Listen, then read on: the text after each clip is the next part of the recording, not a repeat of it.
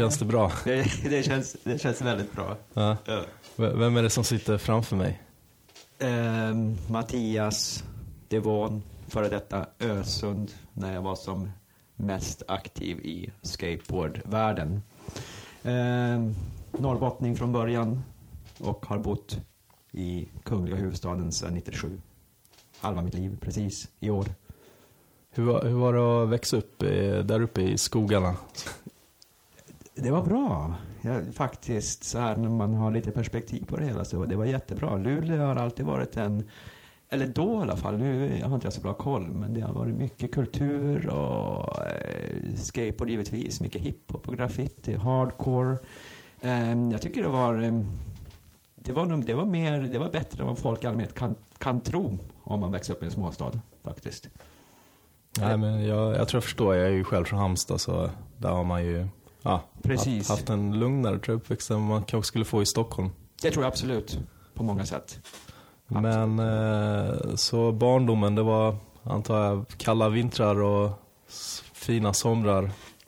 Vad- Har du några sådana här barndomsminnen när du är liten och springer runt antingen i vantar eller shorts och på ängarna? På, ängarna. Eh, jo, det var kalla vintrar. Jag var också uppe hos eh, mor och farföräldrar i Kiruna respektive i Kangos Tornedalen. Där var det ju mycket snö. Skoter, ehm, bygga snögrottor och sånt hemma på gården i Luleå. Det var, det var kalla vintrar, men det var långa somrar vill jag minnas. Det regnade inte lika mycket på sommaren förr tror jag. Eller så var man mera obrydd. Man minns mig kanske inte de här tråkiga sakerna. Nej, i backspegeln så är alla minnen ljusa ofta. Vad, eh, jag antar att du inte började åka skateboard så fort du kunde börja gå. Du sysslar säkert med andra, andra sporter och som alla andra barn testar på en massa. Ja, precis. Eh, slalom, skidor. Eh, sen kom snowboarden ganska tidigt faktiskt. 89, 88, 88 89 fick jag eh, första brädan. Ehm, och sen pingis, fotboll, hockey, allt det där. Ja, som du sa, ofta att växa upp i en småstad, det är mycket sport, sådär grejer. Men ja, sen kom skateboarden in. Jag tror att jag var, jag tror att det var runt 87, måste det ha varit. När de kom den här första, nej inte för, givetvis inte första, men andra vågen var det väl. Med de här Taiwan-brädorna. Men ha- hade du något minne av skateboard innan, innan den här vågen kom när du var liten? Liksom, man kunde se det kanske i någon serietidning eller lite på tv någon gång sådär.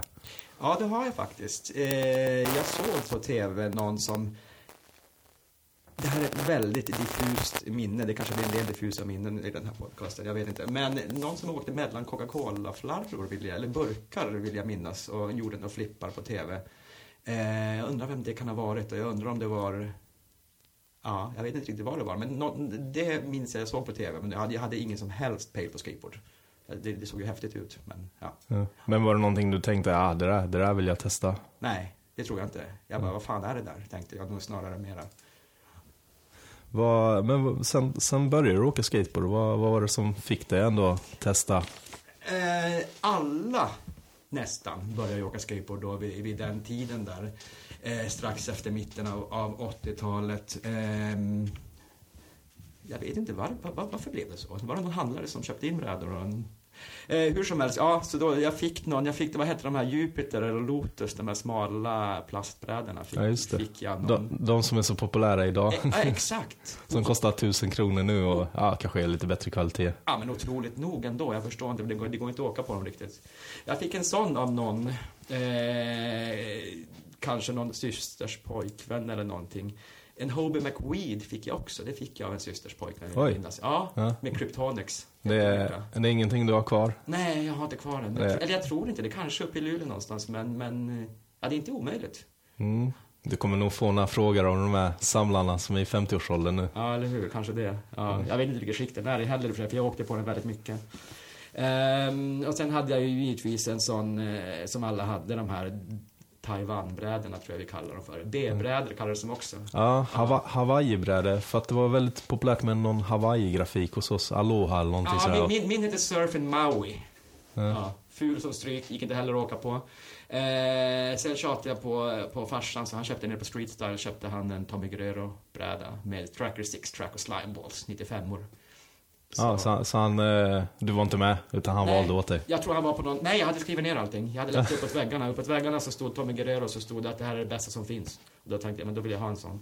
Och det här med, med kniven eller dolken på, en grön. Ja, just Så det. jag hade skrivit ner allting och farsan var på någon, säkert någon jobbresa så köpte han den nere på Street Style. Och jag var överlycklig. Ja. Vad, hur, hur var det sen när du fick den? Det, bara sätta ihop sin första riktiga proffsbräda. Det, det är ju en speciell känsla tycker jag. Eller i alla fall då. Nu, nu är det inte lika roligt. Men... Nej, nu är det, har det inte riktigt samma, samma skimmer över sig att sätta ihop en bräda faktiskt. Men, men ja, det var ju helt, det var ju helt eh, makalöst. Och sen så åka på den också. Man kände ju faktiskt sån skillnad med snärt och, och ja, allting givetvis. Så det var ju, det var ju, ja det var kul. Jag bodde ju på den brädan. Jag klev ju upp liksom före skolan började. Alltså jag åkte innan, innan jag skulle gå till skolan. Men eh, var det, då var det streetskatare du drömde om att vara? Typ Tommy Guerrero eller var, varför just Tommy, Tommys bräda? Ja, det var ju som sagt den reklamen. Jag, jag köpte reklamen rakt av. Ah. Jag vet inte om det var, om det var vad hette de? Hallman Sport eller nej jag vet inte. Det, Tommy Guerrero står med sin bräda i handen. Jag kommer fortfarande ihåg, jag har kvar den uppåt väggarna tror jag. Ja. Eh, uppåt väggarna är en gammal skateboardtidning för den som inte vet det. Eh, och jag tror att det stod så här, det bästa som finns. Jag menar, jag var, tio, jag var tio år gammal, jag hade inget kritiskt tänkande utan okej, då är det det bästa. Ja, ja. Så där hör ni alla som har skrivit på företag. Det, det är bara ska göra det bästa som finns så kommer alla tioåringar köpa det. Exakt. Men, men eh, ja, så du rullade på gatan. Kommer du ihåg vilka du brukar skata med och är det några av dem som, som fortfarande hänger med eller hängde med sen ute på ute i den stora skateboardscenen i Sverige? Eh, ja, jo absolut. Men jag, jag började skata jag började skata med, med en kompis som hette, som hette eh, Per. Det var vi som började skata. Och, eh, han är inte aktiv inom skateboardbranschen, eller skateboardbranschen, skateboardvärlden idag. Eh, sen började jag skata med eh, Heikin Pieti-bröderna som bodde längre ner eh, på bostadsområdet Hertsön där jag växte upp. Och eh, ingen av dem åker skateboard heller så vitt jag vet, men, eh, men den ena är väldigt aktiv inom musikbranschen. Spelar med Mando Diao och sånt. Så Mm. det, Ehm, sen, eh, jag fortsatte ju hela tiden åka skateboard och vissa och började åka mindre givetvis som det brukar vara. Sen kom jag i kontakt med min, min store, store idol Mikael Larsson. Ja, just det. Och, och Pelle Gunnefelt, som, för att ta på tal om musikbranschen, som också är ett hyfsat känt namn inom den. Ja. Och när du nämner eh, Mikael Larsson där. så Jag har faktiskt eh, fått in det första läsarbrevet. Och det råkar just vara från Mikael Larsson. Och eh, jag ställer frågan lite, hur, hur, var, hur var Mattias när han var liten? Så bara, jo, han, han, han var ju liten och han kom alltid och frågade mig om allt. Och han skrev att han tog med, tog med dig på, di, på din första tävling. Vad var det för tävling? Som var din första? Um nu, det, det, här, ja, det, det här kan ju som sagt vara att det kan bli diffusa minnen, men jag vet inte riktigt om Mikael Larsson tog med mig. Det var Mikael Larsson som uppmuntrade mig och sa Mm. att, att, eh, att eh, Matti, du måste ju iväg och tävla och sånt där. Och det var Partille 1990 som var den första tävlingen. Farsan eh, körde ner he, hela vägen med bil från Mm. Luleå dit. Jag tänkte vi kanske ska backa lite för eh, du åkte ju ja, street eller så i början men, men det du tävlade i var ju freestyle och eh, någon gång där måste du ha liksom sett att freestyle, ja ah, vad coolt det här, det här, jag vill bli freestyleåkare. Ja, precis. Eh, grejen är att, att jag är ju i grund och botten alldeles för feg för street. Och eh, det fanns en stor, det fanns en värtramp nere också. Det fanns en värtramp eh, nere eh, i bostadsområdet som också blev en eh, miniramp sen. Det blev en sån här korsramp som man ser sällan idag. Ja, just det. Droppade du den? Värten? Jag tror att jag droppade värten faktiskt. Jag tror att jag var en halv meter ovanför brädan eh, i böjen men att jag lyckades landa på brädan ändå. eh, men det var det enda också. Värt är givetvis på tok för feg för. Freestyle, jag, jag vet inte hur jag kom in på freestyle. Ehm, Du måste, du måste ha fått tag i en freestylebräda på något men, sätt. jo, men det vet jag. Pelle, Pelle Gunnefelt hade en Pierre André. Aha. Av någon anledning. Ja. Och eh, det kommer jag ihåg. Jag var hemma hos, eh, vi bodde ju alla på samma område då på den tiden. Och jag var hemma hos honom och eh, fick, slash köpte, jag kommer inte ihåg, den Pierre André-brädan. Och ganska snabbt vill jag minnas efter att jag stod på den Terranere-brädan så eh, hade jag lärt mig en massa freestyle-trick. Hur jag gjorde det här var ju liksom långt före internet. Men, men du måste ha sett på video någonting, Wheels of Fire eller Powell-filmerna? Ja, just det. Powerfilmerna såklart. Ja, det måste det ha varit. Det, måste, det, det är givetvis. Det var ju VHS-kassetter som man kollade på. Det, det måste vara där jag sett det. Och eh, så tänkte du, nej men jag, jag, jag är för feg, feg för street. Jag känner igen det där, det var lite, eller jag var kanske inte för feg för street, men jag, jag gjorde en ganska, ganska vågad olja över ett brunnslock och lyckades fastna och ah, fick axeln ur led. Och då, Ja. då när man steg upp där och kände att axeln var inte där den var, så bara, hmm, jag ska nog bli freestyle-åkare ändå. Ja, är det lite så? Ja, lite grann så. Men sen så tror jag att jag gillade hela det här konceptet med det, tricken. Eh, free, street på den tiden var inte liksom lika avancerat som, eh, som det är idag såklart. Det var ju mycket såhär no complies, kickflips, eh, only grabs och sånt. Jag, jag, jag tror att det var det, eh, just det här, det komplicerade med freestyle.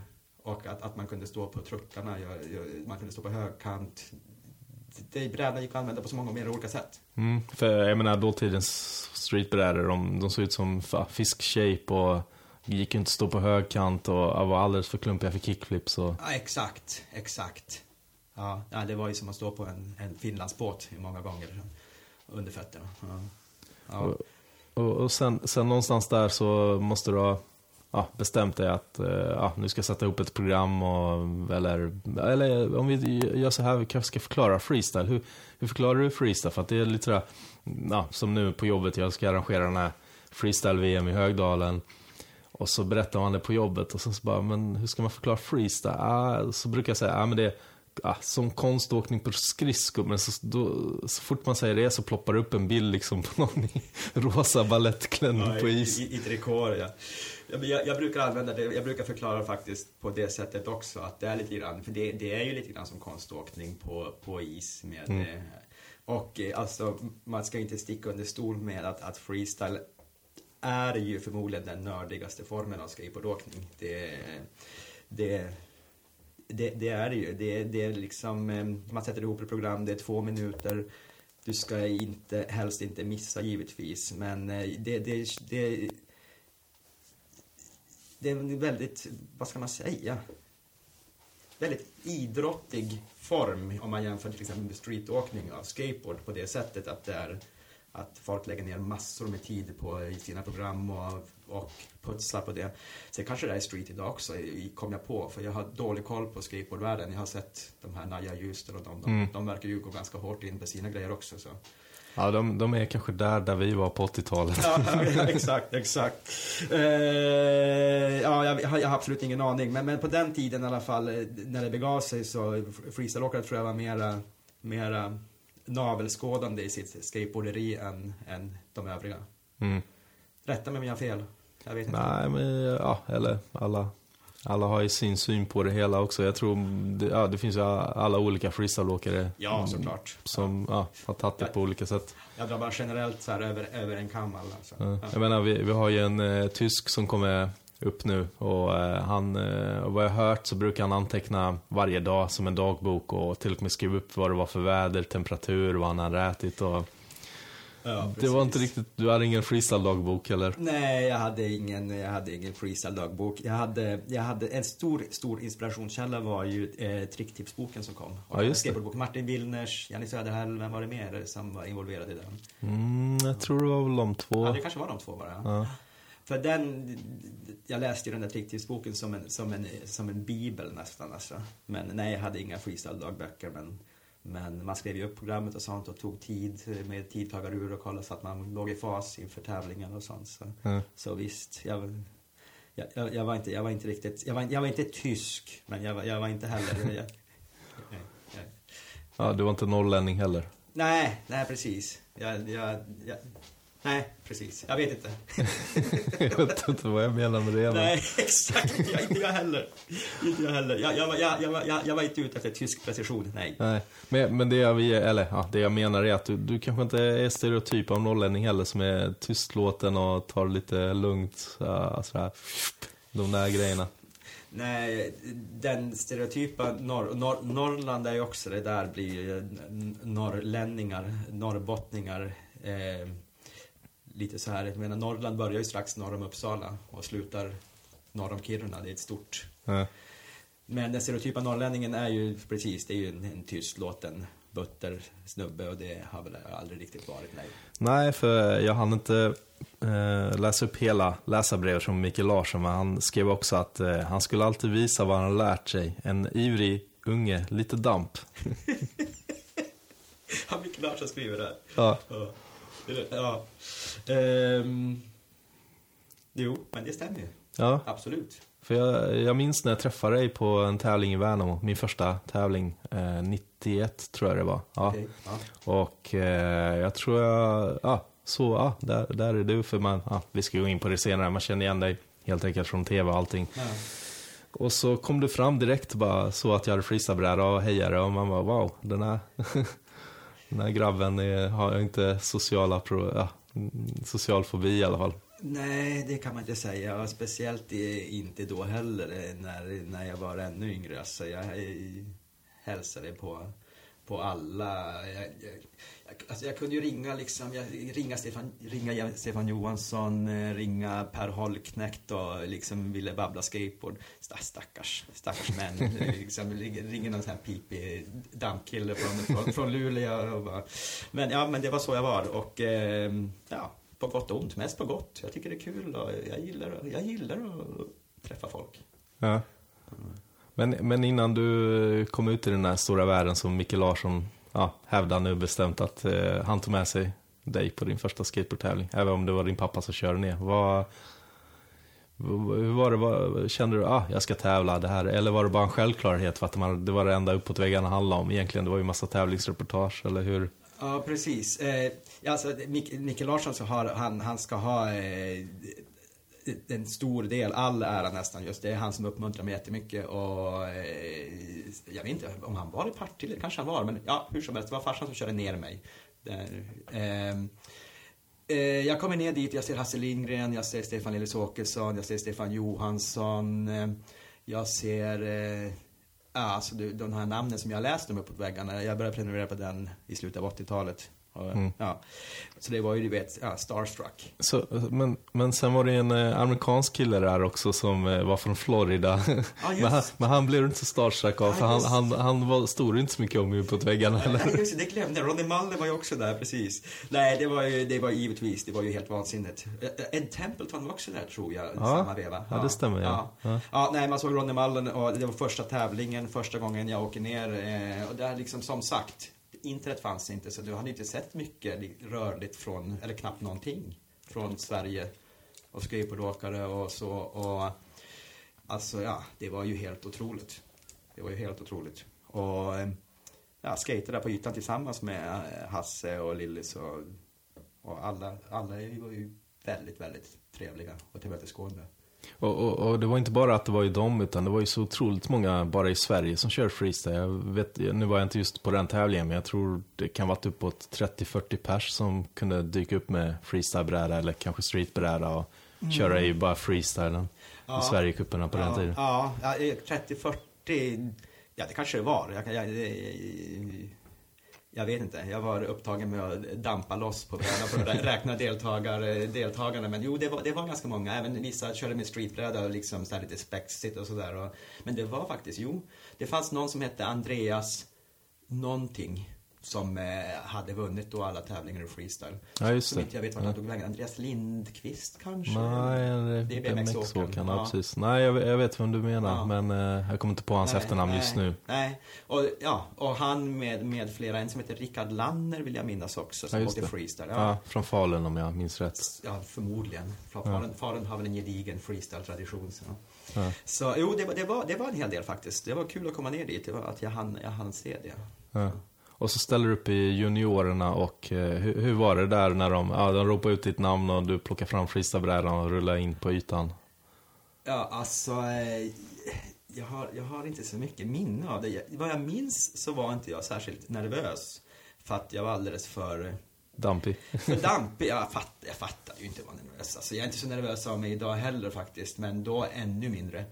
Ehm, så jag, jag körde ju mitt program och eh, vad jag har förstått sen så folk fick ju dåndimpen. Ehm, Mm.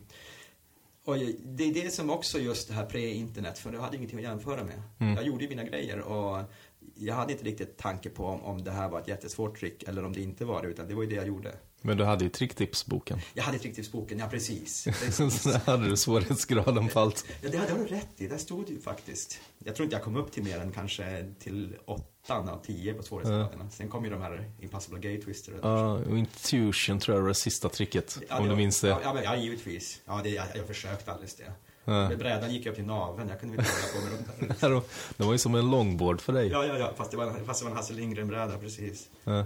Var det det du tävlade på i Partille? Ja, det var det. Eh, Stalefish fanns, kanske till och med finns. Då fanns det i alla fall en affär i Piteå som, Mm. eh, där Jonas, Jonas Berglund var den, eh, den eh, överhuvudet, ledaren, ägaren heter det kanske man ska säga. Jag vet ju aldrig vem som äger i nej, nej, ja, det var nog hans. Ja. Ehm, och där fanns det en Hasse Lindgren-bräda, den här, eh, jag tror det var den här med baren. Ja, precis. Crowbar Ja, med kråkorna. Ja, precis. Ja. Så det var, nog, det var den jag åkte på i Partille. Mm. Ja. Men du, du fick spons av Hasse. Jag vet inte om det var direkt på tävlingen. Jag tror det stod så på uppåt, vägg, i uppåt väggarna. Ja, det stod, de hade frågat Hasse att vem är den där lilla killen? Och då hade Hasse svarat att jag har ingen aning, men jag frågade om du åka på mitt team. Ja, just det. Så stod det. Ja, då var jag ju inte alls nöjd och stolt när jag läste det sen. Då stod det mig själv uppåt väggarna, då jag höll ju på att falla baklänges faktiskt. då. Men, men efter den där tävlingen så det stod ju folk, det fanns något som hette Hardcore Sports, som jag vet inte om de var från Göteborg eller någonting, jag tror de hette så. För de kom och skulle eh, sponsra och rykta i mig och jag vet inte om Holknekt jag vet inte, men, men det slutade med att, att det blev Hasse i alla fall. Okej, vad- jag kände inte alls igen det. Var det någon skateboardaffär eller distribution eller vad? Jag tror, jag, jag tror, det här är nu bara rena eh, nästan spekulationer, men om jag minns rätt så, jag tror det hette Hardcore Sports och jag tror att det var baserat i Göteborg, jag tror att det var en butik. Ja. Men eh, jag är inte helt hundra. Ja. Så det, och sen så, jag, jag kommer inte, för jag tror om Holknekt också pratade med mig om jag minns rätt. Men, men det blev på något sätt Hasse, Backside Airmail blev det ju med Greger liksom. Ja. Ja. Och sen blev det en New Deal. Var det officiellt på New Deal eller hur? Ja, du, alltså... Jag har ingen aning. Det var Red Hot Sports hette det väl nere i Danmark som Hasse höll i på något sätt. Ja, just det. Och det var genom... Hasse var ju givetvis på New Deal, så det var därför som det blev New Deal. Men officiellt, nej, jag var aldrig med i någon film. Det filmades lite grann till någon film. Ja. Alltså du var med och blev filmad själv eller? Ja, pre- ja, precis. Jag, jag tror Stefan Johansson filmade mig till någon, eh, på någon tävling som kanske skulle komma till en New Deal-filmen. Men det blev Mm. aldrig. Mm. Det blev aldrig. Rann ut i sanden. Ja, det var mycket som rann ut i sanden. Men, men innan vi kommer dit tänkte jag på att eh, du, det var inte bara en tävling du var med och, och ja, du gick ju och vann SM där i junior. Men det var nog sista gången du var junior sen. Ja, det var ju det. Jag, det var sista gången, tror jag, junior för att... ehm, För du, du var runt 14, 13, Jag var 14? 13, Ja, 13. Ja. Och, och sen nästa år så hoppar du upp till seniorerna. Ja, precis.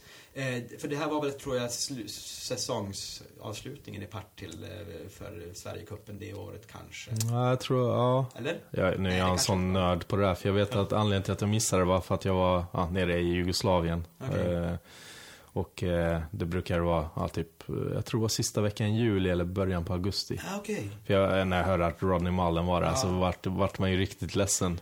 Ja, men, Men- precis. Men har, har du några minnen av Rodney, att han var där? Ja, ja, ja, absolut. Eh, Jag fick ju köra uppvisning med Rodney också. Det var ju, om jag minns rätt. Jo, det, gjorde vi. Eller uppvisning och uppvisning, men jo. I Partille? Ja, i Partille. Ja. Ehm, det var ju också helt surrealistiskt. Alltså, Ja.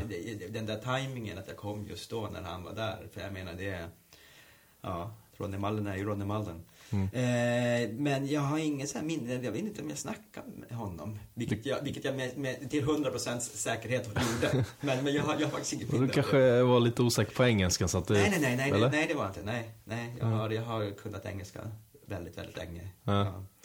Eh, så nej, det var absolut inte. Men jag vet att, eh, jag vet inte om det var då, men eh, vad jag vet så har Rodney sagt att det är ju största talangen jag har sett på, ja, länge. Ja, han sa ju det. Ja. Ehm, och ja, alltså. Det är bara att suga in och ta Ja. emot då eller? Ja, eller ja, ja men precis, vad ska man säga liksom? Och, ehm, och eh, jag kommer ihåg, vad heter han, Miki Vukovic?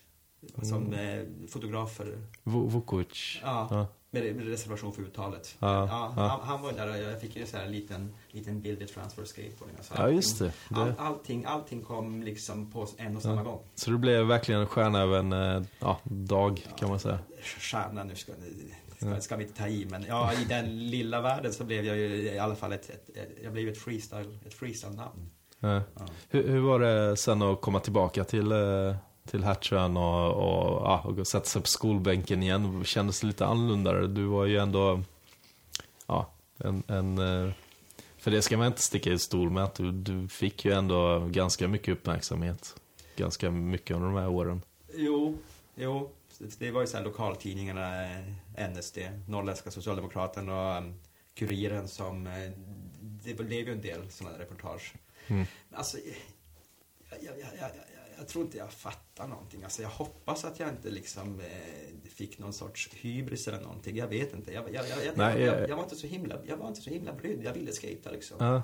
Jag tror inte du kanske förstod det, men, men eh, om jag bara tar som exempel, för du var ju med på Lilla Sportspegeln och, ja. eller vad heter det, Lilla ba Barnjournalen tror jag också. Jag är lite osäker, men jag vet inte. Nå- något mer. Många sådana där. Ja, det var en Ja, del och, och, och jag vet när jag var ute och tränade, och jag tror det här var när du var med i EM, och jag var ute och körde min freestyle session, och ja, vid Halmstad, liksom ute i en förort där, och, och det kommer fram en äldre herre och, och säger liksom, ja, har du sett på tv den där lilla ungen som åker som dig?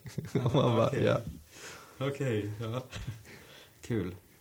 Så att, så att det var ju verkligen, du var ju, du blev ju ja, känd med hela svenska folket där ett tag. Eh, I alla fall de som tittar på Lilla Sportspegeln. Ja, det skulle vara de som kollar på Lilla Sportspegeln. Alltså. Ingvar Oldsberg är känd för hela svenska folket. Jag tror inte jag var riktigt känd för det. Men ja. Ja. ja. Men jag tror nästan alla tittade på Lilla Sportspegeln nästan, för det var ju, vad hade man, två kanaler? Ja, jo, i och för sig. Det var, det var, ehm, det var väl... Ja, det hade kanske kommit lite mer då, men det var inte samma utbud som idag. Man försvann inte lika lätt i bruset. Nej, Nej, det, stämmer, det stämmer. Jag vet att du var med, någon gång var du med på ett disco, och du blev intervjuad och, ja. Ja, alltså grejen är, det var, det var, det var, jag var med på Tips Extra. Eh, ja, det här var ju faktiskt Olfsberg. Eh, jag var med på någonting i Umeå som heter Ling håller låda, där det var någon, eh, Staffan Lings sidekick skulle jag låtsas vara och fick åka där i någon rosa hjälm och sånt. Och ja, du vet, skateboard var häftigt och de ville ha med någonting sånt. Och, Mm. och, ja, jag var ju nära till hans. Och även då som sagt, som du har nämnt, Lilla Sportspegeln några gånger. Och ja, jo. Ja, det var en del. ja. Och sen eh, nästa år så började du köra ja, seniorklassen och, och då var det inga problem höll jag på att säga att komma på pallplats. Men du hade, du hade en, en konkurrent som Fredrik Johansen tänker jag på. Precis. Och, och det kändes som, ja, från att ha sett liksom Lillis och Stefan Johansson, Hasse Lindgren och ibland även Holknekt där. Så, så jag plötsligt bara var det en generation liksom nästa år som du och Fredrik främst då. Mm. Som ja, tävlar om etta och andra, ja, första och andra plats där. Precis. Fredrik Johansen från Floda. Eh, han var några år äldre än eh, jag, är några år äldre än jag. Ehm, han är ju pastor i Sydamerika har du och jag kommit underfund med för inte Ja, jag lyckades stalka fram honom. ja, precis, precis. Ehm, men han var ju helt suverän. Ehm, min, min, min lycka och hans olycka var att han missade ofta i sina Ja. program. Och det gjorde inte jag. För som, jag förstod det så var, försökte han höja svårighetsgraden något oerhört. Han, han var ju faktiskt inne och eh, gjorde, tror jag, i alla fall, han kunde inte göra en rullande, man gjorde den här Intuition som var det svåraste i tricktips-boken. Ja, ja, den gjorde han. Han- Han gjorde rullande handstand kickflips eh, med lätthet. Han gjorde den här incredible, alltså truck till truck-grejen och sånt. Alltså, han, han, han var ju tekniskt vida överlägsen än, än, än vad jag var. Ja, Men eh, man måste ju stå på brädan också. ja under tävlingen. Under tävlingen. Ja, Så, ja, han var helt suverän. Vilken, vilken... Där snackar vi också en talang. Ja. ut i fingerspetsen. Ja, det, var, det var ju som, eh, som att vi hade, för att jag menar problemet i, ja, i USA, då var det att Rodney vann ju, var det 31 tävlingar och 32 eller någonting. Ja, jag tror precis. Linde lyckas slå honom någon gång när han missade. Ja. Men, men i Sverige så var det ändå rätt kul att se freestyle-tävlingar för det var ju liksom, det var ju, ja som Tony Hawk vs Osoy liksom, om man, om man säger så. Fast på freestyle. Alltså man visste ju inte vem av er som kunde vinna. Nej. Det, Nej. Men vi ska inte glömma heller, alltså vi, Lillis var ju där och, ja, och också, det var väl, det var väl jag, för att Fredrik körde ju också senior, eller hur? ja, precis. Han var ju senior tror jag Ja, då. precis. Och ja, nej precis, nej man visste aldrig. Det var, det var en strid på kniven där. Så Ja. det var det. Ja, det var Och, kul. och sen prövade ni båda lyckan ute i EM också. Det gick ju riktigt bra för dig i, var det Österrike, Schweiz? Schweiz. Schweiz ja. Yverdon, Ja. fransktalande Schweiz 1990. Eh, men jag, Fredrik var inte med på den tävlingen. Nej, Nej, det tror jag inte. Nej. Inte vad jag hörde. Köpenhamn, men inte... nej men den. precis. Ja. Året efter Köpenhamn var han med, 91. Men nej, 90 var han inte med. Det var jag. Alltså den där... ehm, det var ju morsan... Eh, jag vet inte, Greger ringde väl eh, morsan. Tack morsan också för allting du har gjort med, eh, med skateboard. Ehm, det måste ju vara Greger som sa att ja, men det, vi är några som åker ner. Det är landslaget. Åker ner i en minibuss till, Mm. till Schweiz. Så Mattias hänger med. Och morsan bara, ja det är klart. Ja, hon visste inte vem Greger var eller? Jo, då, jo, då, hon hade träffat Jag skojar Greger. bara. Ja, ja, ja, ja. Eh, Hon, hon, hon, jo då, de hade ju träffats. och sådär. Ja. Hon hade ju inte träffat liksom... eh, Vilka var den där bussen? Det var Alexander Åkerlund, det var eh, Anders Rimpi tror jag, eh, han värtåkaren Anders Karlsson kanske. Mm. Eh, Gorm Boberg var nog med i den bussen. Holknekt var med. Eh, Greger givetvis. Eh, jag vet inte, fler. Någon, någon till också liksom. Men det var ju, det var ju, alltså, landslaget låter ju så här att det var Gunde Svan och Thomas Wassberg och de som åkte ner. Men det var det inte riktigt. Nej. Det var ju stökigt. Men, men, men var de ändå inte lite sådär ah, spännande att ta med Mattias på första internationella tävlingen? Jag tänkte speciellt Holknekt kan ju vara en sån som eh, ah, peppar och, och bara kom igen nu. Ja, Eller, Holknekt var det, jag vet inte, jag, säkert, jag var nog mest bara en jobbigt bihang att ha med en liten unge liksom på det där. Men, eller jag vet inte, jag tror, jag vet inte, det, var, det, var, det, var, det gick rätt. Holknekt var väldigt peppande på plats där när, när jag skulle åka. Det var ju liksom, ja, som sagt, första internationella tävlingen. Mm. Men där i bussen liksom, eh, ja, jag vet inte, alla liksom, de, de festade ju sådär och gjorde sånt som skateboardåkare gör när de är på resa och jag spelar Gameboy, typ. mm, Tittade på. Ja. Ja. Och, och eh, för de som lyssnar på det här, om ni vill se lite, inte hela åket, men eh, så har jag lagt upp det på YouTube med fel år såklart. Precis. Och jag blir förvirrad nu, nu. Alltså jag kommer aldrig fatta vilket år det är. För jag, jag tror det står någon ja, kommentar och sen står det ja, fel eller rätt år, jag vet inte. Ja, ja men, det, men det, ni- det, det är 90. Ja, absolut. 90, ja. Precis. Så det kan man, eh, men då får man söka på ditt gamla efternamn där, Mattias Ösund. Precis. Precis. Så dyker det nog upp. Eh, Men du kom trea i alla fall. Ja. Och fick en pokal som var större än dig. Och då har någon skrivit på, jag tror det var Stefan Jaha, ja, det har jag inte sett. men- Ylitalo som skrev Jaha. att den var större, den här kobjällran Ja, var större, större än dig. Ja, det, var, ja, det är den ju. Alltså, det, då var den det definitivt. Jag var ju otroligt liten.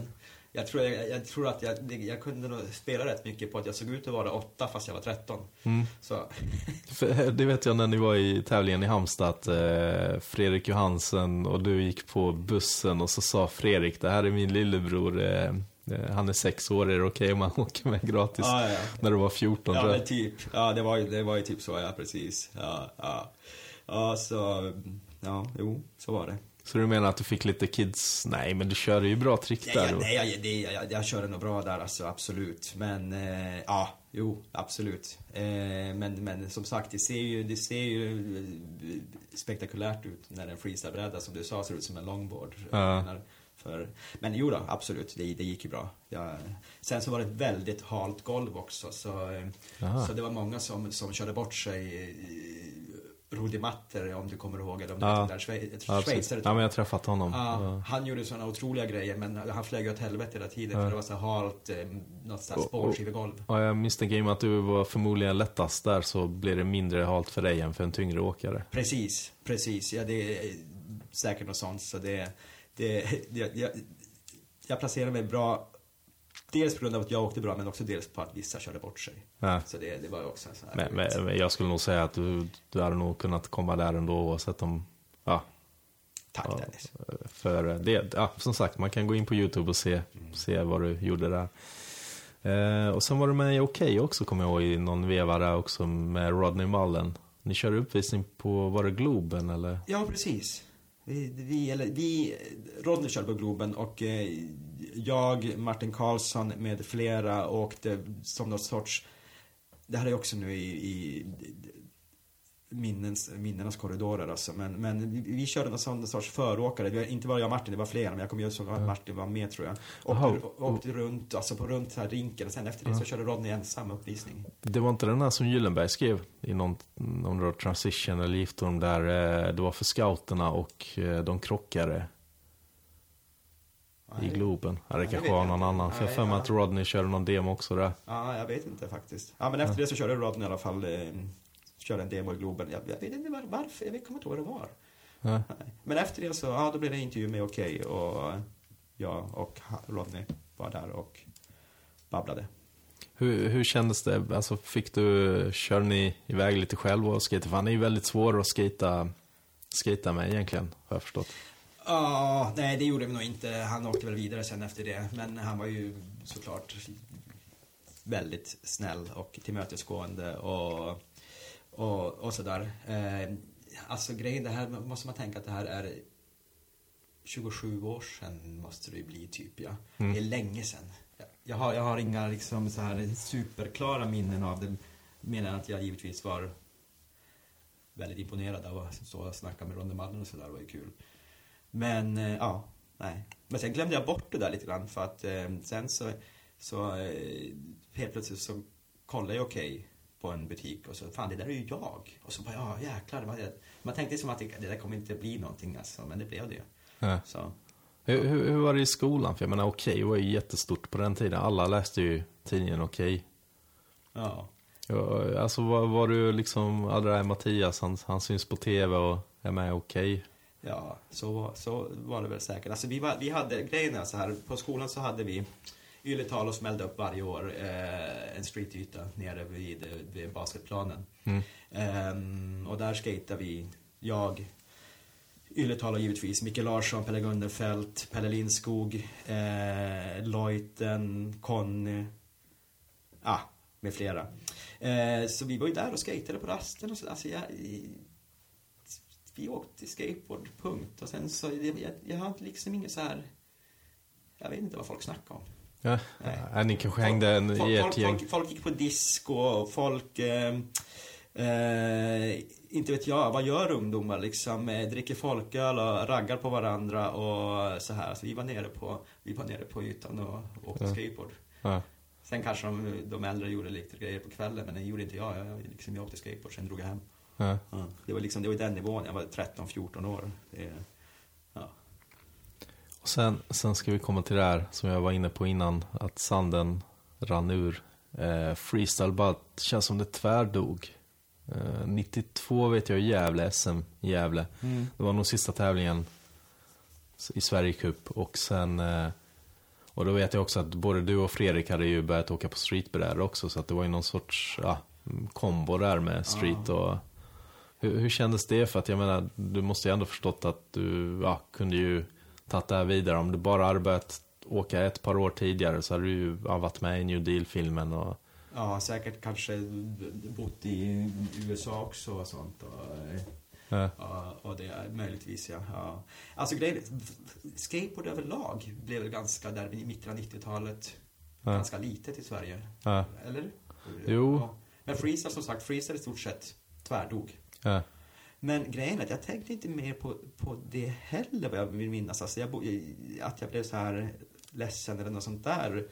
Att, inte vad jag kan komma ihåg, utan det var bara jaha, ja, ja, då är det väl så. ja, Och sen så, ja, nej, alltså det, det, hade, ju, det hade ju varit en hel del bra, bra fina år på det. Så. ja. Men, jag men, gick väl men, vidare. men du hade inga tankar? Så ah, nu ska jag dra till USA och försöka tävla i tävlingar där? För det gick ju ändå rätt bra för dig. Ja, nej, eller ja, jo, det, Det, jag vet inte, hade jag det? det... får fråga Micke Larsson. Ja, jag, får fråga, jag får fråga Micke. Nej, grejen är att jag, klart jag ville... Jag, USA var ju givetvis drömmen då för alla skateboardåkare.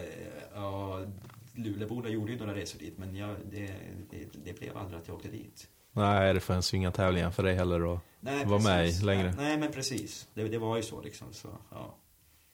Och, och, du hade redan börjat ja, köra på streetbräda också, så du kör, började köra mer street också? Ja, jag körde rätt, alltså, jag körde mycket street i många år. Och eh, miniramp också. Jag har åkt allt utom värt och slalom. Ja. Ehm, men, men... Ehm, ja, jag körde, men jag hade liksom inga... Eh, det gjorde man, åkte skateboard för att det var roligt. Och det mm. var ju inte tävlingar då, utan det var ju bara liksom... Ja. Men sen, sen var det ju också spännande, för det hände ju väldigt mycket de här åren. Främst, jag tänker om man bara kollar en bräda så ut 89 och sen kollar hur den såg ut 93, 94. Och ja, Big Brother-tidningen och allt det här 411. Det, det hände ju så otroligt mycket så att jag tror, även om det var liksom jag tror proffsen i USA kanske blev deprimerade, värtproffsen för att det bara försvann för dem. Men ja. för oss var det ju sådär, wow, det hände ju något nytt hela tiden. Ja, det, det, var så jäkla häftigt, nu när du säger det, just i skateboard. Från 89 till, det var, det var som att vi gick från eh, vevgrammofon till eh, iPads liksom. Ja. Eh, eller i, vad heter det? iPods. Ja. ja. Eh, ja, det, det, var ju otroligt just tekniskt, eh, utrustningen och åkningen och alla de här Form 1-filmerna, magasinen. Det, blev, ja, det var häftigt. Ja. Och, och, det var ju kul kul bara att vara, vara med liksom i mitten av det. Va, hade, hade, du några andra intressen också? För jag antar att proffsdrömmarna, om du ja, nu ändå kanske inte hade dem så seriösa, men, men att du kanske tänkte, eller levde du bara för stunden då? Att, att skateboard är kul att åka, eller hade du något annat du någon plan? Vad ska jag göra om ett par år? Ja, eller? nej, herregud, inga som helst. Alltså, jag var ju då, det började bli så 15, 16, eh, och så vidare. Um, jag hade inga planer alls. Jag levde för stunden. Åkte skateboard för att det var kul. Mm. Och, um, ja men precis, men man började ju bli äldre så man kunde, kunde åka ner till Stockholm liksom över en helg och träffa folk och även ja, sådär. Mm.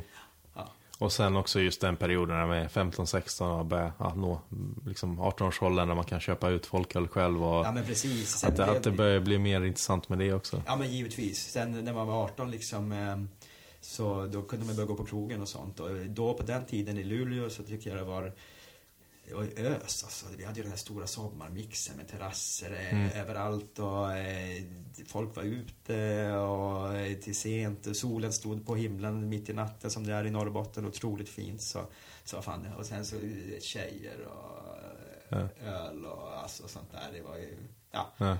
Skateboard var kanske inte alltid prio ett. Nej. Nej.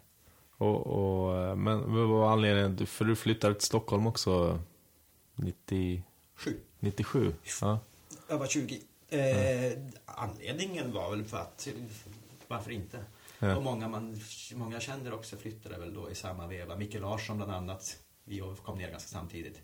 Eh, Conny bodde där. Eh, och ja, du är ju själv från en småstad. Ja, det, man vill ju gärna vidga vyerna, annars kan mm. det bli att du blir kvar där och, och och sen så tar du ingenstans. Ja. Det, är, det är inget fel att bo i en småstad, men jag kände att det var dags för mig att se mig om.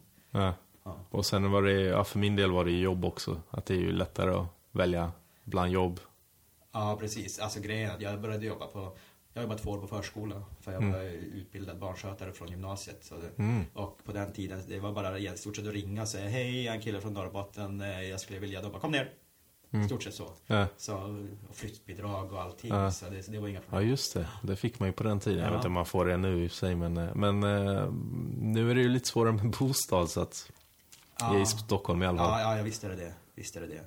det. Så, men ja, det var, det var lite enklare då på den tiden faktiskt. Det är ändå det, 20 år sedan så det har hänt mycket på den Ja, ja, jag kommer ihåg 97. Ja, men det stämmer. Jag arrangerade en tävling i Halmstad och frågade om du ville komma ner och ja, köra, köra min freestyle-tävling där och då sa du, nej, mitt uppe i flytt sa du. Ah, okay. Så det kommer jag ihåg. Ja, du skulle flytta till Stockholm tror jag veckan efter eller någonting. Så ah, ja, men precis, precis. Lite...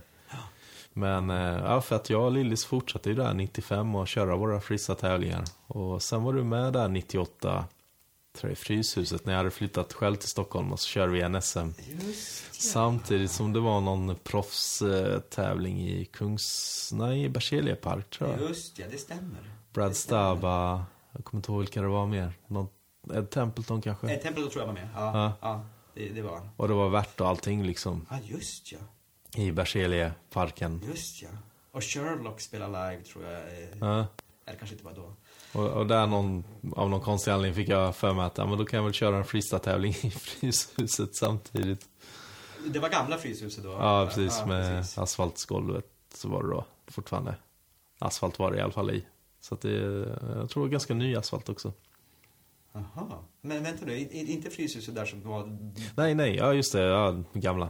Ja, nej, nya Fryshuset, Ja, det men, men det var gamla golvet. Jag förstår, så, ja. jag förstår. Ja. För det gamla hade ju plywood-golv tror jag, hela tiden. ja, precis, precis. Precis. Ja, det var därför jag blev lite förvirrad. Men hur, hur var det liksom när du flyttade till Stockholm? Skatade du lika mycket eller var det...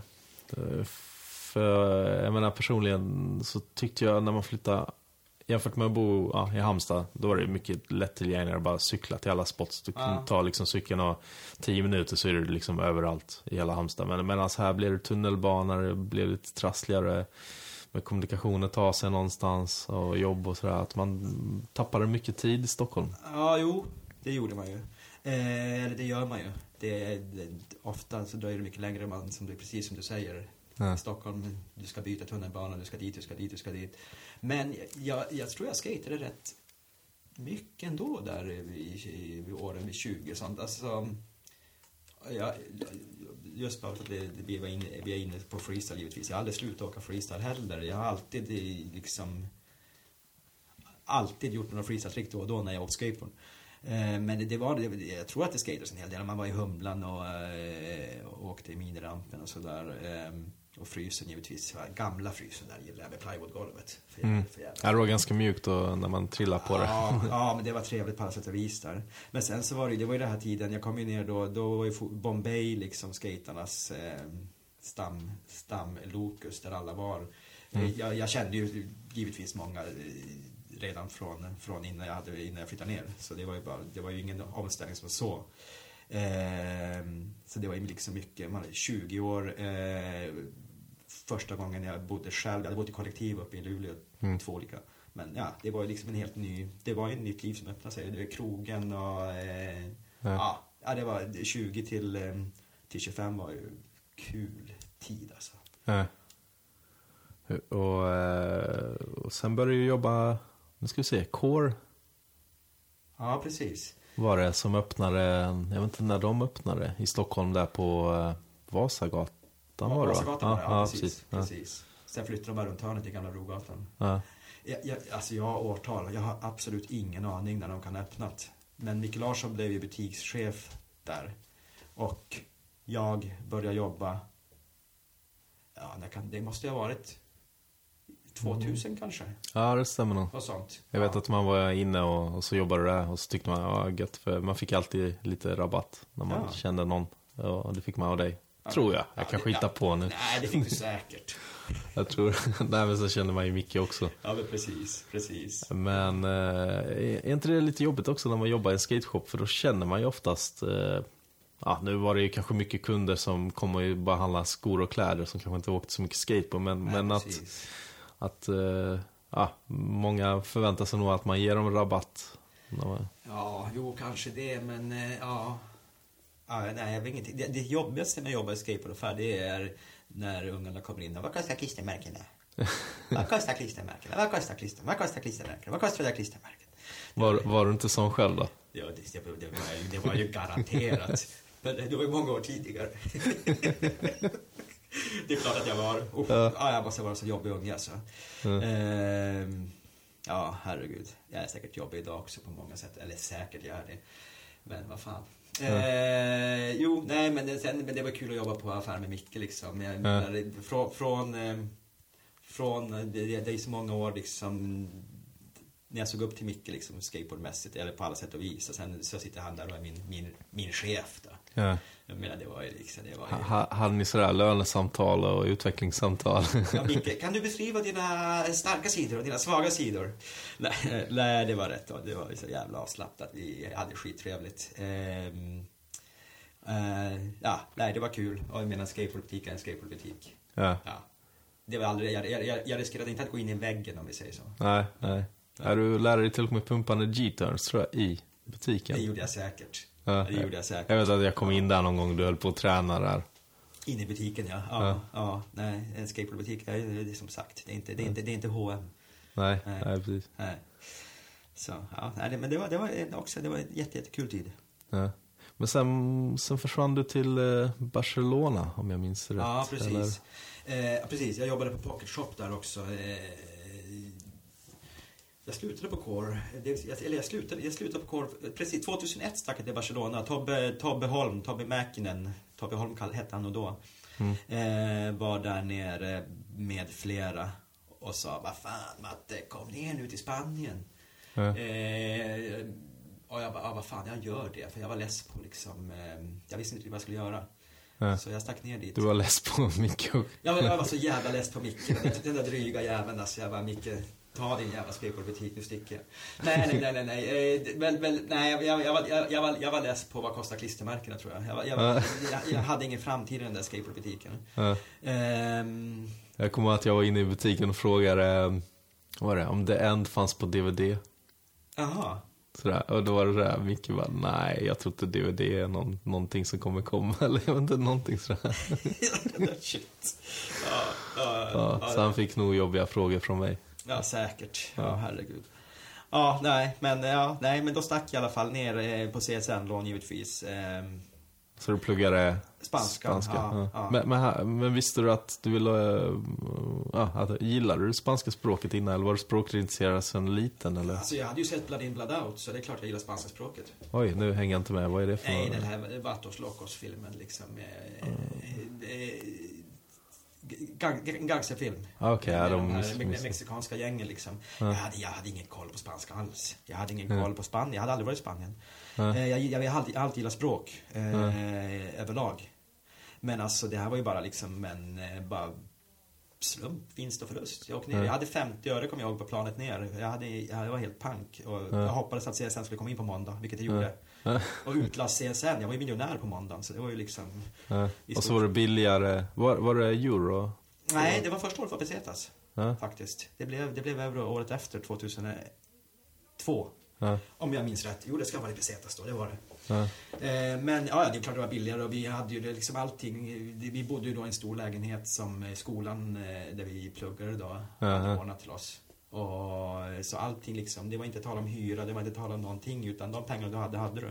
Mm. Och, så vi, vi, och vi hade ju skaterna med oss alltså det, eller vi, jag hade, de hade skaterna nere och när jag kom ner så hade jag med mig brädan. Ja. Så vi stack ut och skata i, ut, ut, ute i förorten med spanska skaterna och, och sådär. Och, Ja. så, ja. Och då, då var redan eh, Barcelona, ja, det var mycket proffs som hade redan hittat dit och det filmades lite saker om jag minns rätt. Ja, det måste du ha gjort. De här eh, klassiska skatespotsen, Macpa var ju liksom, den, Ja. det var ju igång. Och även parallell eh, med de här stora platåerna. Ja. Eh, jo då, det, Barcelona var en skatestad då.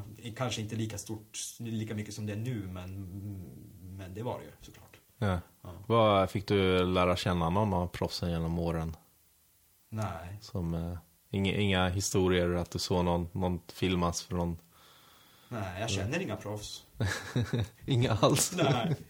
Stefan Lillis Åkesson, Ja, någon mer. Tony Gale har du träffat också. Tony Gale, ja, Ja. precis. Ja, men du pratar ju om där. Jo- Jocke Olsson känner du väl också? Ja, jo, det, jo det, ja, okej, jag känner några proffs. Men, Ja. men ja, jo. Inga, inga amerikanska? Nej.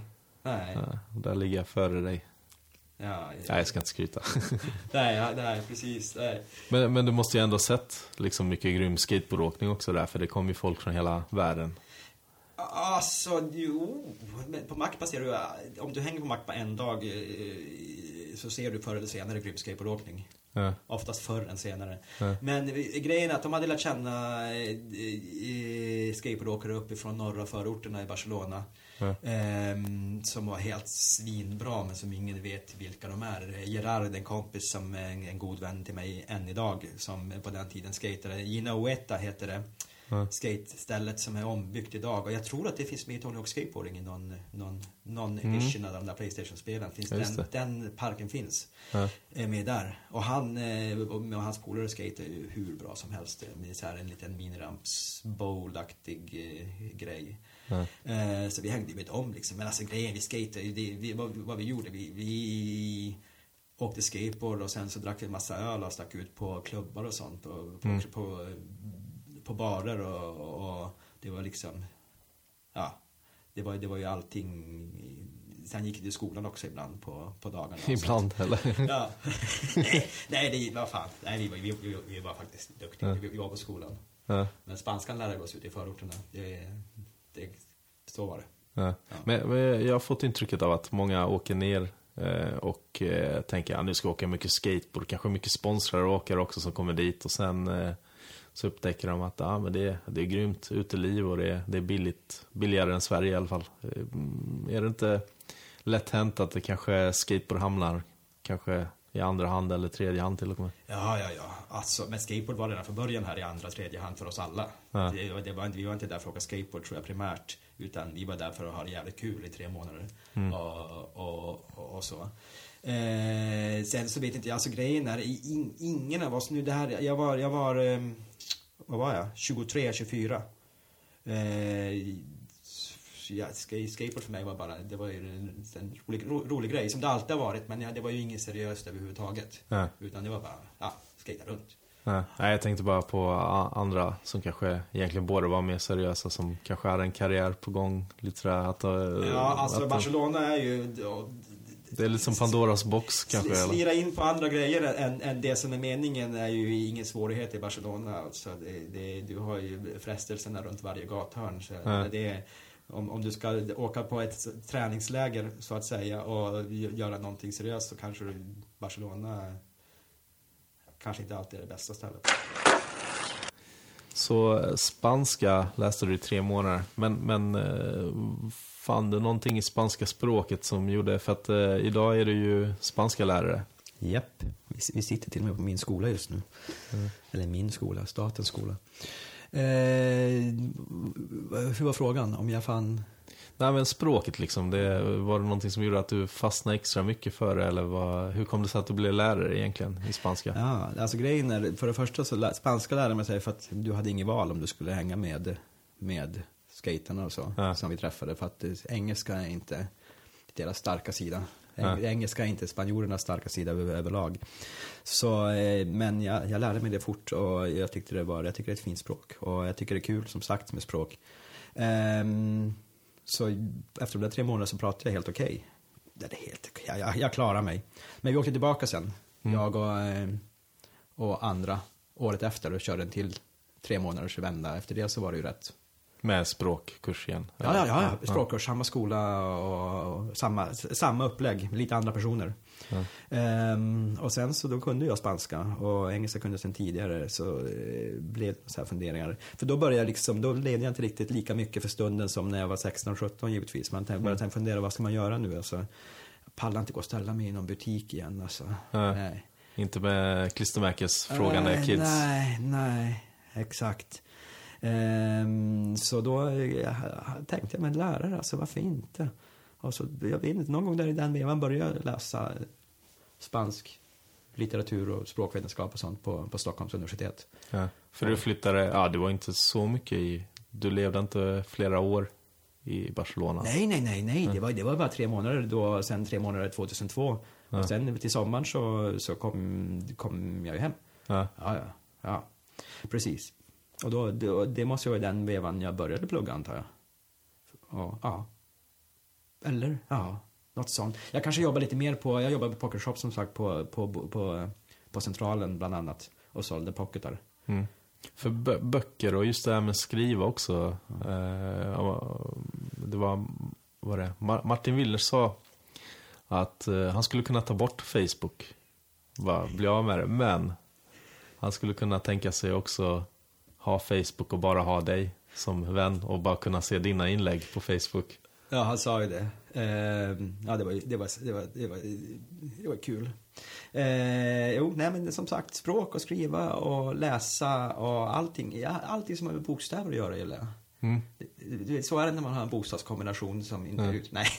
nej, nej, nej, nej, men jag gillar det. Eh, ja, jag gillar att skriva på, ja, på Facebook då, som precis som du säger, det är kul. Men alltså det är bara så här, ja, jag tycker det är kul att bara leka med orden och, och svamla och beskriva, beskriva vardagen.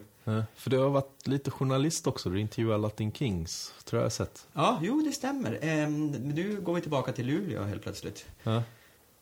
Och eh, ja, slutet av 90-talet så eh, i en, den NSD, Norrländska Socialdemokraten, eh, Norrbottens största dagstidning, kanske till och med Norrlands, Mm. så hade de någon hiphop-recensent som var rätt kass. Och då Ja. så sa en kompis, en bekant till mig som skrev om dödsmetall och sånt, att men gå upp och säg det.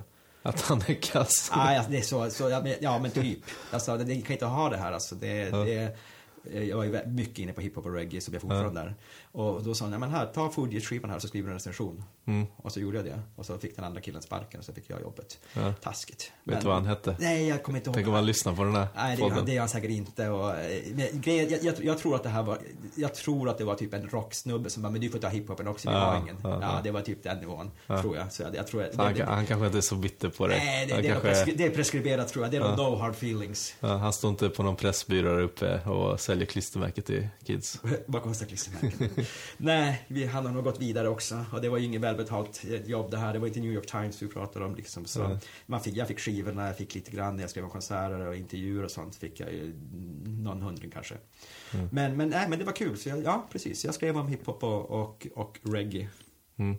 Och sen har du, jag tror, jag vet inte, var det Fansport? Du hade en egen Ja. kolumn eller sida till och med. Jag tog över Alexander Åkerlunds Din Onkel och skrev någon sorts kåserier, krönikor i fansport skateboarding där under några- år. Ehm, Bara också så här.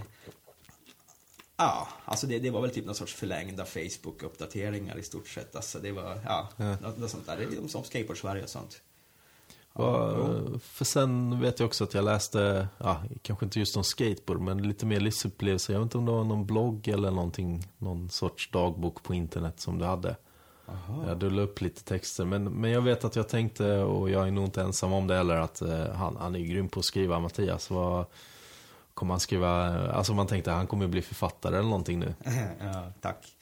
Nej, jag vet inte. Jag är för... Det är inte för sent heller. Nej, nej för, det, grejen är författare är ju bra liksom. Eh, om man nu skulle vilja bli, bli det så kan du, du har ju lång tid på dig. Det blir aldrig Ja. liksom, du, du kan aldrig bli för gammal för det. Nej, precis. Nej, nej. Eh, nej, jag hade tanken på att bli journalist också innan lärargrejen kom in. Ja. Men eh, just journalist också. Det, jag, det, jag det, det är du- inte superlätt att få jobb och så Nej. där. Då, du vet, jag, jag tänkte ju framåt faktiskt. Och Ja. vad, vad, vad kommer att bli bäst? Och, jag menar, journalist. Sen får jag sitta på någon så här eh, knäckebrödhults allehanda och skriva om bortsprungna hundar och sånt där. eh, Som det, ja, eh, möjligtvis. Och jag kände, nej, vad fan. Då kan jag använda språket till något annat. Mm. Ja. Och så blev du lärare istället. Hur, hur var det, du utbildade dig till lärare, men hur, hur var det sen att komma in, få din första klass, eh, få stå där och presentera sig. Hej, jag är nya lärare, jag kommer lära er spanska hur bra som helst. Ja, alltså det var ju kul. Det, det har gått 10-11 år sedan dess också. Eh, Det är världens bästa jobb. Eh, Det är mycket gnäll och eh, tjafs i medierna om läraryrket Ja. just nu. Eh, Jag hävdar bestämt att det är bland de bästa jobben som man kan ha. För mig är det det i alla fall. Jag, jag trivs otroligt bra. Och eh, det ställa sig inför eleverna. Jag har aldrig haft problem att stå inför folk. Så, så det var kul. Och det är kul, Ja. man, man, man håller sig rätt så här krispig och, och ung i sinnet och umgås med, eh, med tonåringar. Det är gymnasiet eh, som jag är på. Och dagligen, de är ju svinroliga och, och ja, det, det, det är kul. Mm. Men hur, hur är det, mm, ja, eller hur presenterar du dig egentligen för en ny klass? Sä- Säg att eh, det här är första dagen med en ny klass och du kommer in och så säger du bara, ja, slå ner den tunga spanska lexikonet och så bara, tja, jag är ny lärare. Här kommer er uppgift, hemläxa? Eller Nej, säger du något alltså- mer? Vad, vad säger du liksom? Ja, nästa vecka kommer, då kommer nya, Ja. nya, klasserna. Nej, vad säger Du presenterar dig som du presenterar dig för, för folk. Eller du säger, ja, jag heter det och det, jag är er, er lärare i spanska och berättar lite grann om mig själv. Jag kommer ursprungligen från Luleå och bla bla bla bla, lite grann sånt där. Och om ni vill veta mer så får ni fråga sen. Och, Men nämner du att du åker skateboard fortfarande? nej, nej, nej, nej, nej, det gör jag. Ja. Det. För, för det verkar som att kidsen när de väl upptäcker det, sen så blir de så här wow. Ja, det, kom, det kommer fram, alltså, det, det, skolelever skvallrar ju Ja. o, oavbrutet med varandra och snackar skit om lärare och bla bla bla och han och Ja. hon och den och den och han. Så det där kommer ju fram förr eller senare. Ja. Och, och det är ju klart att det, det, är ju, det är ju inte svindåligt att du som lärare är gammal skateboardåkare och hiphop-recensent. Det, det ligger mig inte i fatet. Det, är Nej, liksom, nej, precis. det, det, blir- det blir ju en, det är en icebreaker utan dess like. Men, men det, det får de ta reda på själv.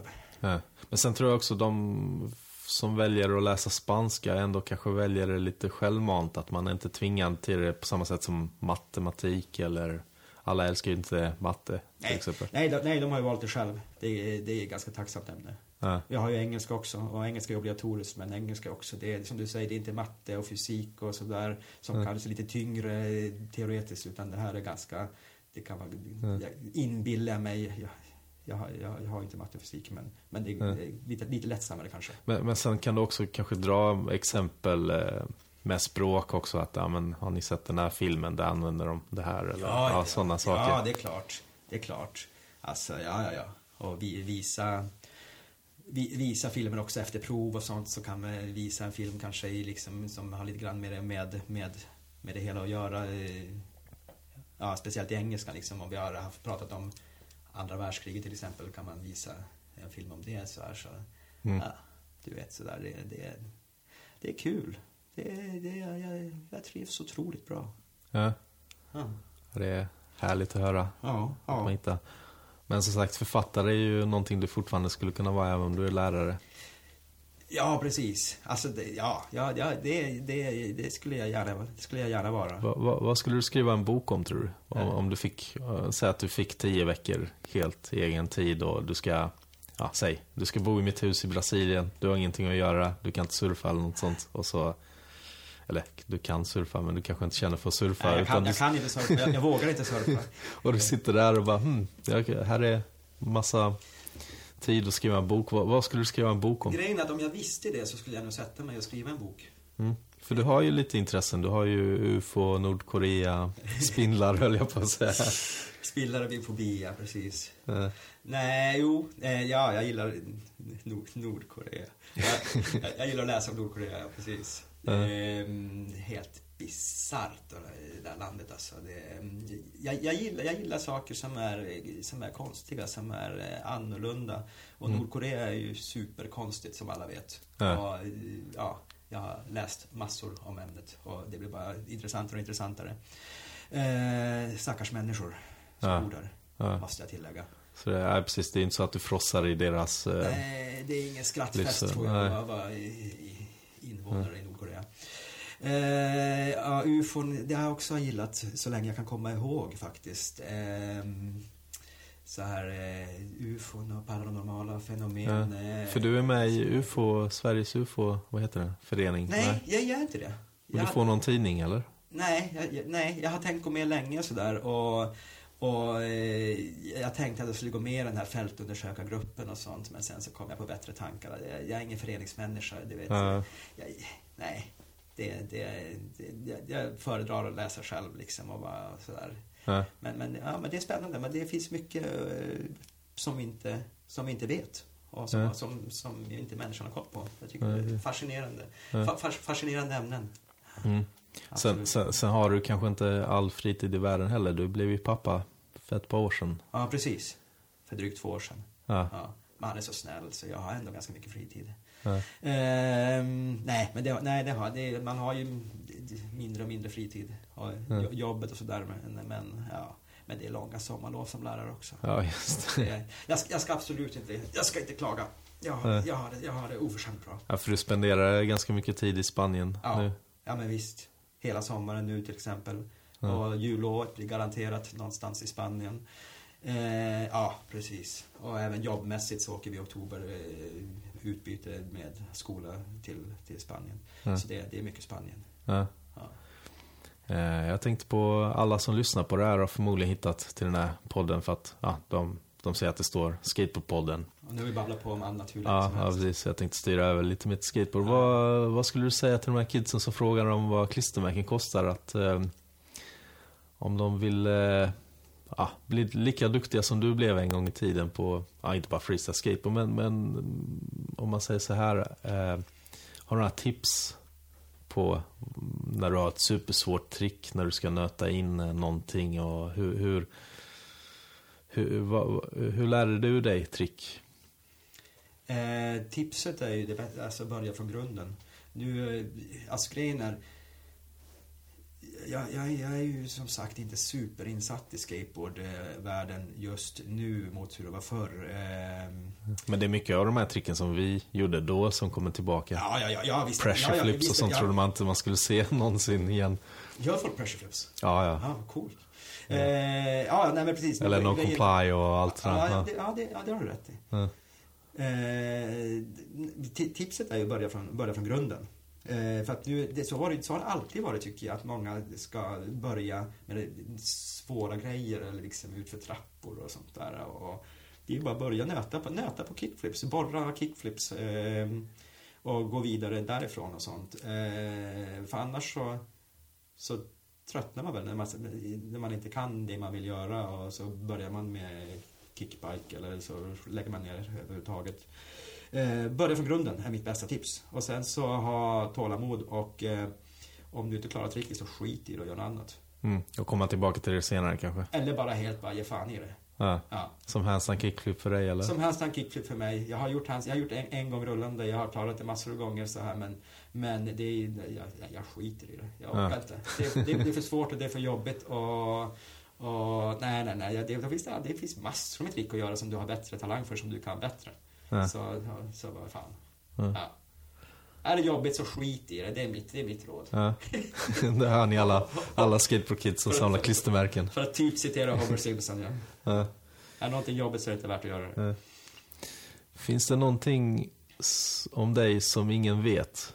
Som du skulle kunna avslöja? Har du någon konstig vana eller fobi? Ja, spindelfobi vet ju alla att du Ja. har, men finns det någonting om dig som ingen vet? Eller inte många vet? Ja, alltså, jag är ju ganska transparent på Facebook. Ja. Nej, jag tror inte. Jag har inga... Jag har inga Nej, men eh, har så du samlat på frimärken när du var sex år? Ja, eller? det, vad tror du? Det är väl klart jag har. Jag med, jag är skyldig. Ja, ja, ja. Ja, det är klart jag har det. Herregud. Och, eh, Ha- Hade du, eller samlar du på någonting idag, om man säger så? Jo, jag samlar på koppar. Ja, Ja. just det. Just det. Ja. Men det här är inte dina koppar som vi sitter med nu. Jo, det är klart det är. Vad är det för något? Andorra och Kuba. Ja. Du har, du har Kuba-tekoppen. Ah. Ja. Ja, då vet jag. Då vet jag vad jag ska ta med mig nästa gång jag åker till Brasilien. Ja, fast fast jag, jag, jag, jag, jag kan bara ha koppar som, där jag har varit på ställena. Ah. Jag, får inte ha koppar, jag kan inte ha från Brasilien för där har inte jag varit. Ah. Men nästa, när, förr eller senare kommer jag komma till Brasilien. Ah, så, har så, av- så folk ska inte skicka koppar till dig nej, nu? nej, nej, nej, precis. Det, det, De, de ska bjuda in dig till ställen och komma dit istället. Så jag kan köpa en kopp på plats, Ja, ja. ja, precis. precis. Annars är det fusk. Ja. Fan. Hur många koppar har du? Jag tror att jag har nu, eh, det blev fem, sex nya i somras. Så jag, alltså det, det, jag kanske har 40 någonting koppar nu. Ja. Det är ju ingen, vi pratar ju inte sån här samling som man hamnar i Hemmets Journal med. Sån här, Mattias har 6000 koppar, han har ingenstans att bo. Alla koppar, kopparna tar över. Ja, Eller Ding Ding Värld tänkte jag Ja, på det- mer. Exakt. Exakt. Jag Men, ja, nej, det, det, det, jag, tror, jag tror faktiskt inte att det finns någon sån där eh, o- otroligt hemlig grej som ingen, ingen, ingen vet om mig. Alltså, det, nej, Ja. nej. Du ska, vara, du ska göra en, eh, jag vet inte, du har ju alltid åkt lite freestyle, men du ska göra en comeback i år. Ja, eh, På, på freestyle-VM här i Högdalen nu, Ja. nu i helgen. ja. Hur, hur känns det? Det känns svinbra. Ehm, och på en freestylebräda också. som jag fick av dig, tack. Ja. Ehm, eller en väldigt freestylig streetbräda kanske där. Ja, det har rätt storlek och sånt i alla fall. Ja, precis. precis. Eh, det känns jättebra, det känns jättekul. Jag har skejtat i sommar i Barcelona på Macpa så mycket som jag har pallat. Det var så jäkla varmt, mycket folk också sådär. Men jag har skejtat rätt mycket i Sverige sen jag, sen jag kom hem hit också. Eh, ja, det känns bra, det känns Ja. spännande. För du var domare förra året. Yes. Jag vet inte, du var, kanske inte tänkte att du skulle tävla förra året, men du var sugen när du såg förra årets Ja. tävling misstänker jag. Ja, jag var svinsugen. Det Ja, var det var jag ju- verkligen. Jag visste inte, alltså, jag hade ingen aning eh, egentligen förrän förra året hur stort freestyle är igen. Ja. Det är ju helt, det är ju helt, helt crazy. Ja, det finns flera proffsmodeller och företag och ja, vi har ju vår egen scen. Vi är ju inte riktigt knutna till skateboardbranschen, Nej. eller beroende rättare sagt av den på det sättet. Så att det är ju det är ju som en liten egen värld och man får, man får ju kompisar liksom som det var förr på 80-talet för oss. Jag menar nu när du ser någon på skateboard tunnelbanor, du bara, äh, orkar inte. Alltså man går Nej, inte nej, fram till alla som nej. hade hållit en skateboard i tunnelbanan. Vilket man kanske gjorde en, ja, 93 när det inte fanns någon Ja, skateboardåkare nästan. Precis, precis. Ja, nej, nej, nej, alltså det är ju svinspännande, jättekul och att, att det har blivit så. Ehm, Så då tänkte jag att, alltså, varför inte? Jag hoppar också in. Ja. Och, och, och, alltså jag, har, jag har inga illusioner om ens pallplats, men, men inte komma sist skulle vara kul. Ja. Ja. Och, och bara få vara med liksom. Det är, nej, men det är kul, jag är ju med själv så. Ja, även men, jag ja, kanske precis, precis. Och det, det- som sagt, förra året jag var domare, man träffade folk från eh, Tony Gale bland annat, från, eh, från eh, England och eh, han Kaue, Brasilien och alla är Ja. supertrevliga. Ja, precis. Och Günther, som du Günther. tävlat med förr också. Precis, precis. Günther vann EM då 90. Ja. Eh, ja, Günther har jag träffat under många år, eh, inte pratat med Nej. någonting alls dock. Men du kan prata med honom nu. Nu har han lärt sig engelska i alla Ja, fall. ja det, du, nämnde det, så det, det blir, det blir Ja. spännande. Det blir spännande. så att, eh, ja, jag tänkte, nu har vi pratat en stund här och jag behöver ha mycket annat också i och med att jag arrangerar hela den här Yes. tävlingen. Eh, jag ska testa min smörgåsgrill bland annat som jag köpt in här. Om ni undrar så har jag liksom, ja, vi sitter här och spelar in podcasten och eh, jag har kommit med all ja, podcastutrustning och en smörgåsgrill också så det ser ju lite konstigt ut men men den tänkte jag vi ska använda till tävlingen och inte, inte i podden för det, jag vet inte, det blir inte så roligt för lyssnarna. Nej. Eh, men eh, har, du, har du något att tillägga? Oj. Eller vill du tacka folk? Jag vill tacka, ja, jag har ingenting att tillägga. Jag, jo, och, nej, det har jag inte. Jag vill tacka eh, Micke Larsson, givetvis, som har figurerat det flitigt nu i den här podcasten. Ja. Eh, Micke Larsson och, eh, och eh, morsan och alla som jag har eh, träffat och åkt skateboard med genom åren som har varit så otroligt, otroligt trevliga.